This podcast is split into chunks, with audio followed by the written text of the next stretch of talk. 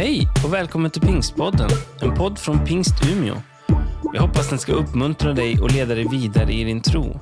För att få mer information om Pingst Umeå och allt som händer i kyrkan, gå in på umia.pingst.se eller följ oss på Instagram och Facebook, at pingstumia.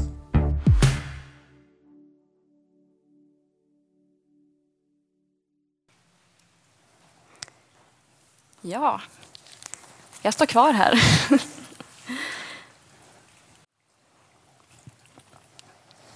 Den här gudstjänsten kommer att gå till historien för mig i alla fall. Det är första gången jag leder lovsång och det är första gången som jag predikar så här framför församlingen. Men jag ska predika om nåd idag, så det passar ju bra. Så ni får ha, ni får ha nåd med mig. Men jag heter Cecilia som sagt och jag pluggar på ALT. Jag ska börja tredje året nu i höst. Ehm, och jag har varit med i den här församlingen ganska länge nu, ganska många år. Så jag känner mig ändå trygg att stå här också. Det känns bra att få öva mina, testa mina vingar framför er och få vara ledd av Gud. Som sagt ska jag prata om nåd idag. Och är det någonting som jag tycker att man aldrig kan bli påmind om för mycket så är det just nåden. Och det verkar ju som att Jesus också tyckte det eftersom att han införde nattvarden och ville att vi ständigt skulle påminna oss om vad nåden betyder och alltid fokusera vår blick mot korset. Vi människor har, verkar ju ha en tendens att glömma bort nåden dock, tror jag. Att vi, vi lever i ett samhälle där individen är stark, man ska klara sig själv, man ska inte förlita sig på någon. Och menar, att ha Gud och tro på Gud det är liksom bara en enkel undanflykt på något sätt. Och att, att man ska kunna ha nåden att förlita sig på, det är... Ja, vårt samhälle stödjer inte det riktigt. Jag tror att vi har väldigt lätt att falla in i det och tro att vi ska kunna stå i egen kraft. Jag vet att jag har det i alla fall. Men jag tänkte ta med er på en liten bit av min personliga resa med, med nåden och hur olika bibelord har hjälpt mig och, ja, i hur nåden fungerar i mitt liv. Jag kommer att prata om nåden på tre olika ska man säga, inriktningar eller sätt. Dels hur nåden har påverkat hur jag ser på livet eller på min, ja, min omgivning kanske. Och hur nåden påverkar hur jag ser på mig själv och hur nåden påverkar hur jag ser på andra människor. Jag kommer att vara ganska personlig, så ni får ta det för vad det är. Men jag har många olika bibelord också, så jag hoppas att ni ska kunna hänga med. Annars får ni räcka upp handen och bromsa mig eller någonting. Mm. Men jag tänkte börja med att berätta om en, en ganska stark händelse som jag var med om. En ganska jobbig händelse också som eh, påverkade väldigt mycket hur jag ser på ja, mitt liv, eller man ska säga. Jag var för ganska många år sedan, jag tror det var sommaren 2012, så var jag och hälsade på mina, min kusin nere i Dalarna. Och vi satt i bilen tillsammans, vi hade varit på en utflykt. Och min mobil ringer och jag får ett samtal från SOS Alarm. Eh, och de säger inte så mycket, utan jag tror mer att de bara ville kolla så att jag var okej. Okay. Utan de säger ungefär att du borde kontakta din familj. Eh, någonting har hänt, ungefär. Eh, så jag försöker ringa min mamma. Hon svarar inte. Jag försöker ringa min bror och han svarar inte. Och till slut så får jag tag i min mammas eh, dåvarande fästman eh, och liksom frågar vad är det som händer. Och då står vår lägenhet som vi då bodde i i lågor. Den, eh, ja, det var ingen liten brand. Den var totalförstörd och allt som vi ägde var antingen uppbrunnet eller så pass rökskadat att det var tvungen att slängas. Ehm, jag hade ju då tur, mitt i oturen, att jag var på resande fot. För jag hade ju en resväska med mig med lite kläder och lite, lite grejer sådär. Min eh, mammas förlorade förlorade i princip allt. Men i alla fall, jag minns eh, att jag satte mig ner, när vi kom, då, kom tillbaka från den där bilfärden, så satte jag mig ner vid min resväska. Och då säger min kusin då, lite skämtsamt, ja, kollar du vad du äger nu eller, eller kollar du vad du har kvar? um, och jag minns bara att när han sa det så var det som att jag fick upp ett bibelord i huvudet som kanske inte riktigt hade så mycket att göra med den situationen. Men jag fick i alla fall upp Matteus 13 och nämligen att himmelriket är som en skatt som ligger gömd i en åker. En man hittar den och gömmer den igen och i sin glädje går han och säljer allt han äger och köper åkern. Nu gick ju inte jag och sålde allting för att jag ville det. Men ändå, jag hade verkligen den här känslan av att ha förlorat allt, av att inte ha någonting kvar. Men att den insikten kom så starkt då att, fast jo, det har jag ju visst. Jag har ju den här skatten som ligger gömd under allting. Och jag tänker att den här, äh, den här jorden som den låg gömd i, det kan ju vara alla möjliga saker om man tänker utifrån ens eget liv. Det kan ju vara oro eller det kan vara jobbiga tankar ähm, och så vidare. Allt som gör att den här skatten ja, inte syns så bra. Men det var som att när jag satt där vid, vid min resväska, då var det som att den där skatten bara... Att jag bara... Jag kände mig bara så... Mitt i all den skiten så kände jag mig så glad och så lycklig för att jag har fått den nåden att ha den skatten i mitt liv.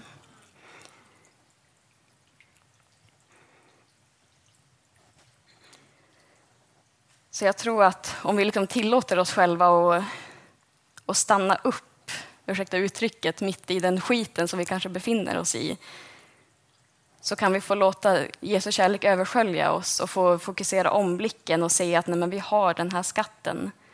Trots våra omständigheter, trots vad, vad vi har runt omkring oss, så, så har vi den här nåden att vi ska få ärva Guds rike. Så då kanske det andra inte spelar så stor roll egentligen. Så den insikten där vid min resväska har, eh, har jag burit med mig väldigt mycket. Att ja, men jag har skatten, den ligger, ibland ligger den lite längre nergrävd och ibland så är den lite mer synlig, men den finns där.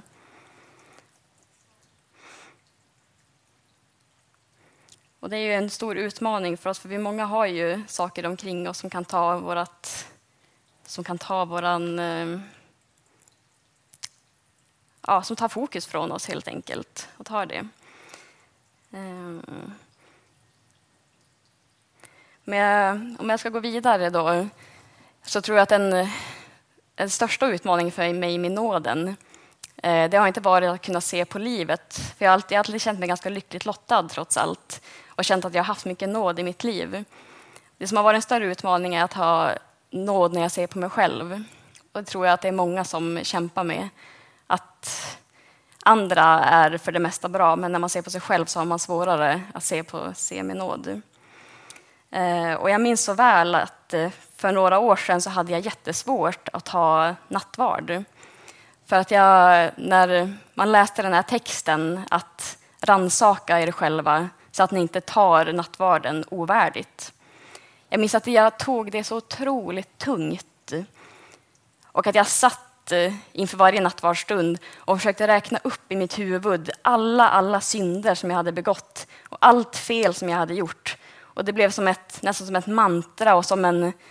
Jag hade lite så här, eh, ångest och eh, att få fram allting så att jag inte skulle ta nattvarden på ett felaktigt sätt. Så jag blev så otroligt upptagen med min synd. Och det är ju väldigt motsägelsefullt, för jag tror att det är det Jesus vill med nattvarden, det är att vi ska minnas eh, det han har gjort för oss. Han vill inte att vi ska fokusera på den synd som vi tycker att vi har i våra liv, utan han vill att vi ska fokusera om och titta på korset. Så det jag gjorde var liksom att göra det svårare för mig själv när jag liksom tog upp all den här synden som, som jag tyckte jag hade gjort. Men det är egentligen inte Jesus intresserad av. Han vill att vi ska fokusera på honom och göra oss mer tillgängliga för att ta emot nåden som han har för oss. Det blev som en prestationsångest för mig att liksom räkna upp alla synder. Och jag kände mig aldrig tillräckligt klar för att ta nattvarden, utan det fanns ju alltid någonting mer som jag kunde komma på som jag hade gjort. Så istället för att fokusera på min frälsare som faktiskt står där med öppna armar så fokuserade jag på min synd. Så jag glömde nästan bort själva innebörden i nattvarden.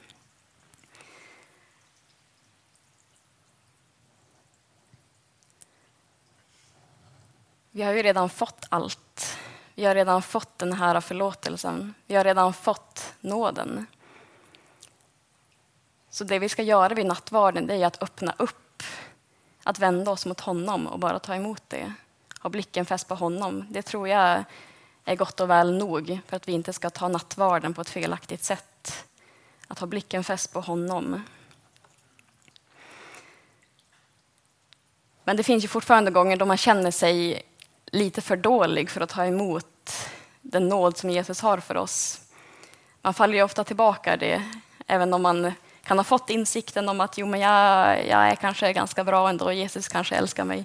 Men då faller vi ofta tillbaka i att nej, nej, han kan inte ha, han kan inte, hans nåd räcker inte för mig, det går ju inte. Men då finns det ett väldigt bra citat av Martin Luther som vi kan påminna oss om, där han säger att When I look at myself, I don't see how I can be saved. But when I look at Christ, I don't see how I don't can be saved. Alltså när jag ser på mig själv, då fattar inte jag hur jag ska kunna bli räddad. Men när jag ser på Kristus, då fattar jag inte hur jag inte skulle kunna bli räddad. Så ta bort fokuset från oss själva och fokusera på Jesus istället. För när vi ser på oss själva, visst, vi, vi kommer aldrig vara bra nog. Så är det ju. Men det är inte det som är poängen, utan poängen är att Jesus har gjort allt. Att han redan har eh, tagit det på sig och att det enda vi måste göra är att vända oss till honom och ta emot det han har för oss.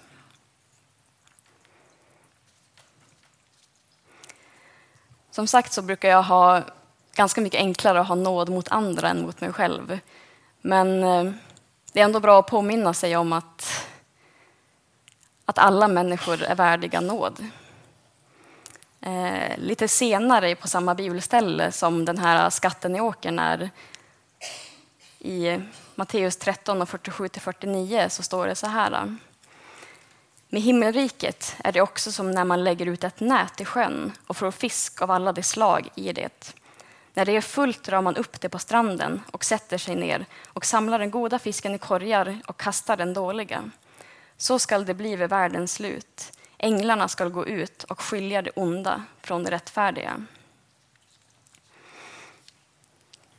Det som jag tar med mig från den här bibeltexten det är att eh, jag är en människofiskare. Jag är tänkt att fånga fiskar av alla de slag. Av alla de slag.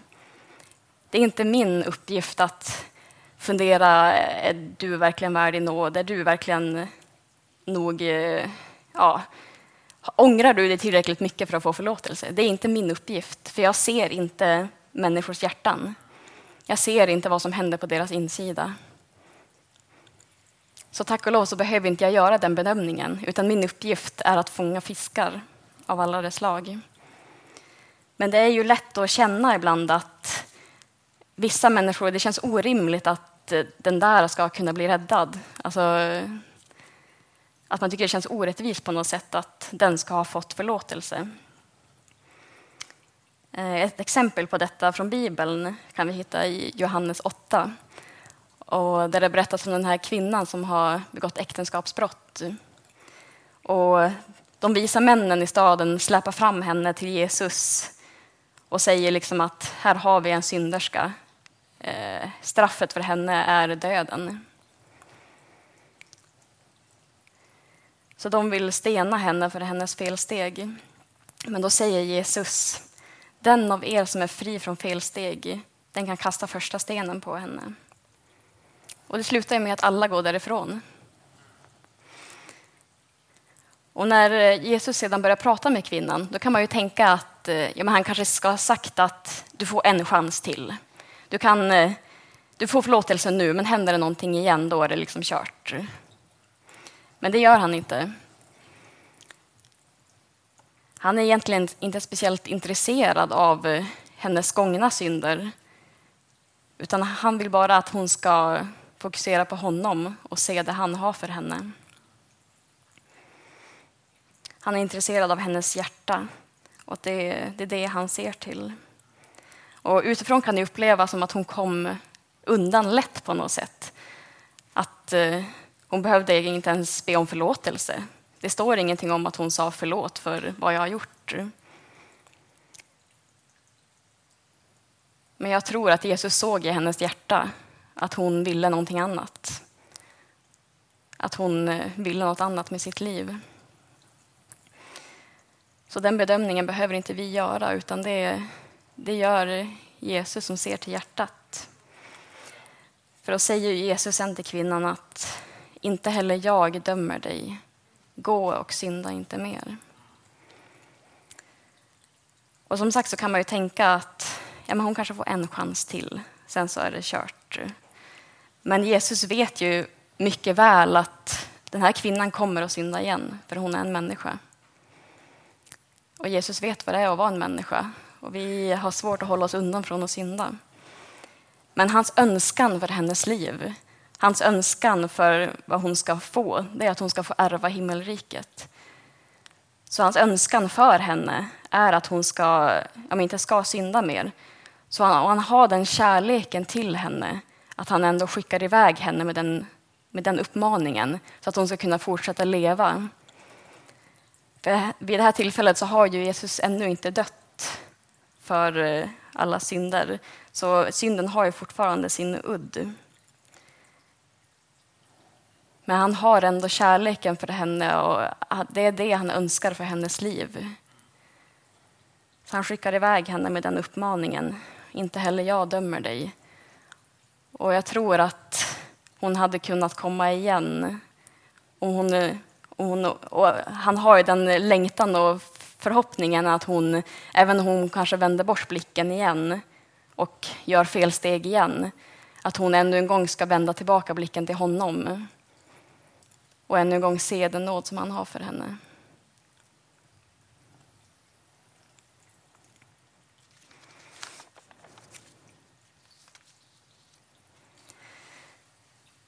Nåden är svår att greppa. Speciellt som jag sa i vårt samhälle som inte är speciellt nådefullt. Den är ju alltid genom kärlek. Och nåden är ju den enda beröringsytan som vi har mot Gud, mot Jesus. Vi är bara människor. Men Jesus säger också till, till dig och mig att inte heller jag dömer dig. Jag vill att du ska ärva himmelriket. Det är nästan som att han vill säga att välj att fokusera bort från synden och fokusera på mig istället. Fokusera på den nåd som jag har för dig. Och han säger ju aldrig att nu är dina chanser förbrukade, nu är det liksom enough is enough. Utan han kommer alltid att stå där med öppna armar och vänta och längta och hoppas på att du ska vända dig tillbaka till honom.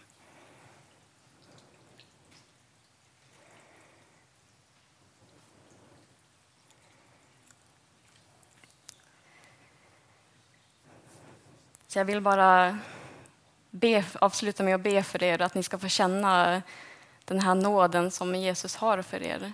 Och att om ni som jag kanske har haft lite prestationsångest inför nattvarden, att ni ska lägga bort det och istället bara Istället för att fokusera på synden i våra liv så fokuserar vi på Jesus och på den nåd som han har för oss. Varje dag är nåden ny. Vi ber.